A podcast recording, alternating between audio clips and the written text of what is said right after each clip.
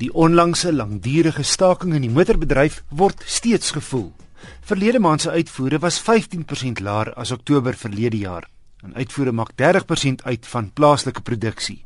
Byna 57000 voertuie is verlede maand van die hand gesit, waarvan sowat 'n vyfde Toyotas was. Die ander vervaardigers wat meer as 1000 verkoop het in 'n grond af, Volkswagen 9000, gevolg deur General Motors 5800, die Ford groep 5700, Nissan 4300, Mercedes-Benz 3000, die BMW groep 2400, Renault 1600 en Honda 1200 eenhede.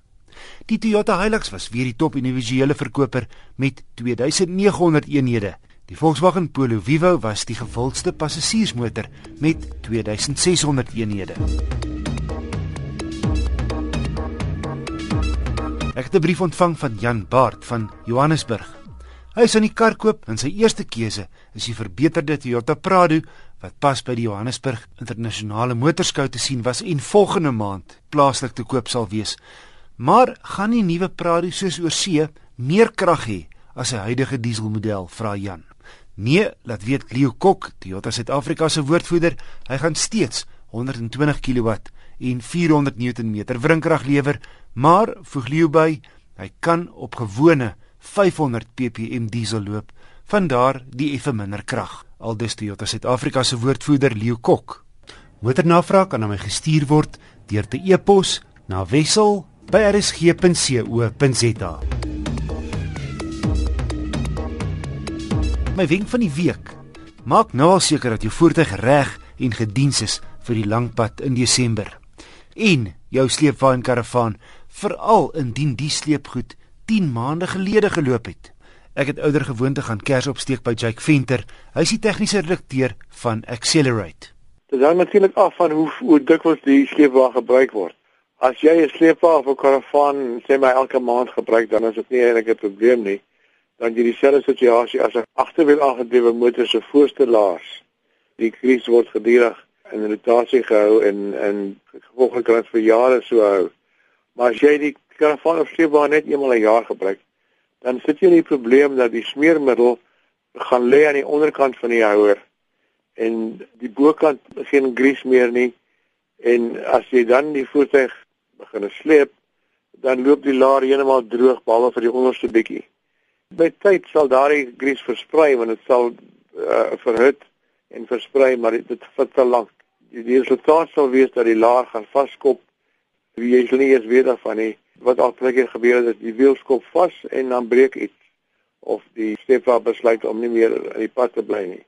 So as die laar nie gereeld gebruik word, moet hy voorsien word eenmal 'n jaar. Net voor jy op vakansie gaan, jy moet 'n ehm um, werkgewer kry om die laar se grease te vervang. Anders gaan hy vaskop. En dan uh, is jy dalk op die ou end een van daai arme drommels wat langs die pad uh, met 'n gebreekte sleepwa of karavaan sit terwyl jy al eintlik lekker by die see kon wees. Mense sien dit elke jaar. Elke jaar is, is ek 'n bietjie rondry daai tyd van die jaar. Dan sien jy mense uh, karavaans wat staan met 'n wiel af en dit is gewoonlik waar die laar was vasgeskop het. So, dis uit en uit 'n geval hier Jake van um, ja. nou maar voorsorg tref en jouself baie moeite spaar. Ja, dit vat nie lank jy 'n goeie werk dan kundige kan 'n halfuur per wiel doen. En onthou dat jy swaar gelaaide voertuig in Desember skielik hard gaan werk in hoë temperature.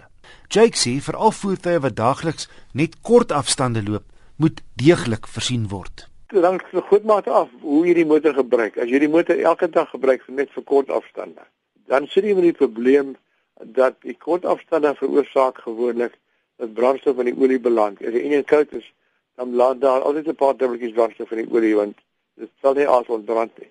En dan beteken dit jy olievlak is kunsmatig hoog. So as jy dan op die langpad vat, dan verdamp die brandstof en dan sak jou olievlak en dan kry jy dikwels probleme.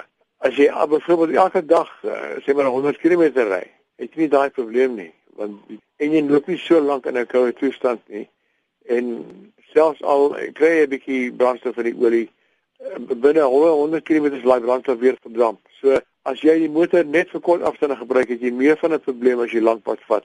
Daar's dinge wat kan verkeerd gaan. Byvoorbeeld oorverhitting kan gebeur as jy verstopte waterpyp het of verstopte verkoeler en jy ry net 10 km per dag, dan kom jy nie eens agter nie. Maar as jy eerlik verskielik wil 200 ry, dan gaan jy probleme kry daarmee. So die verkoelingsstelsel moet eintlik nagegaan word deur 'n kundige. Jake Venter, die tegniese redakteur van die tydskrif Accelerate. Volgende week weer padtoetse. Die een, die nuwe Renault Clio met sy 900cc turbo masjien en 'n Toyota RAV turbo diesel.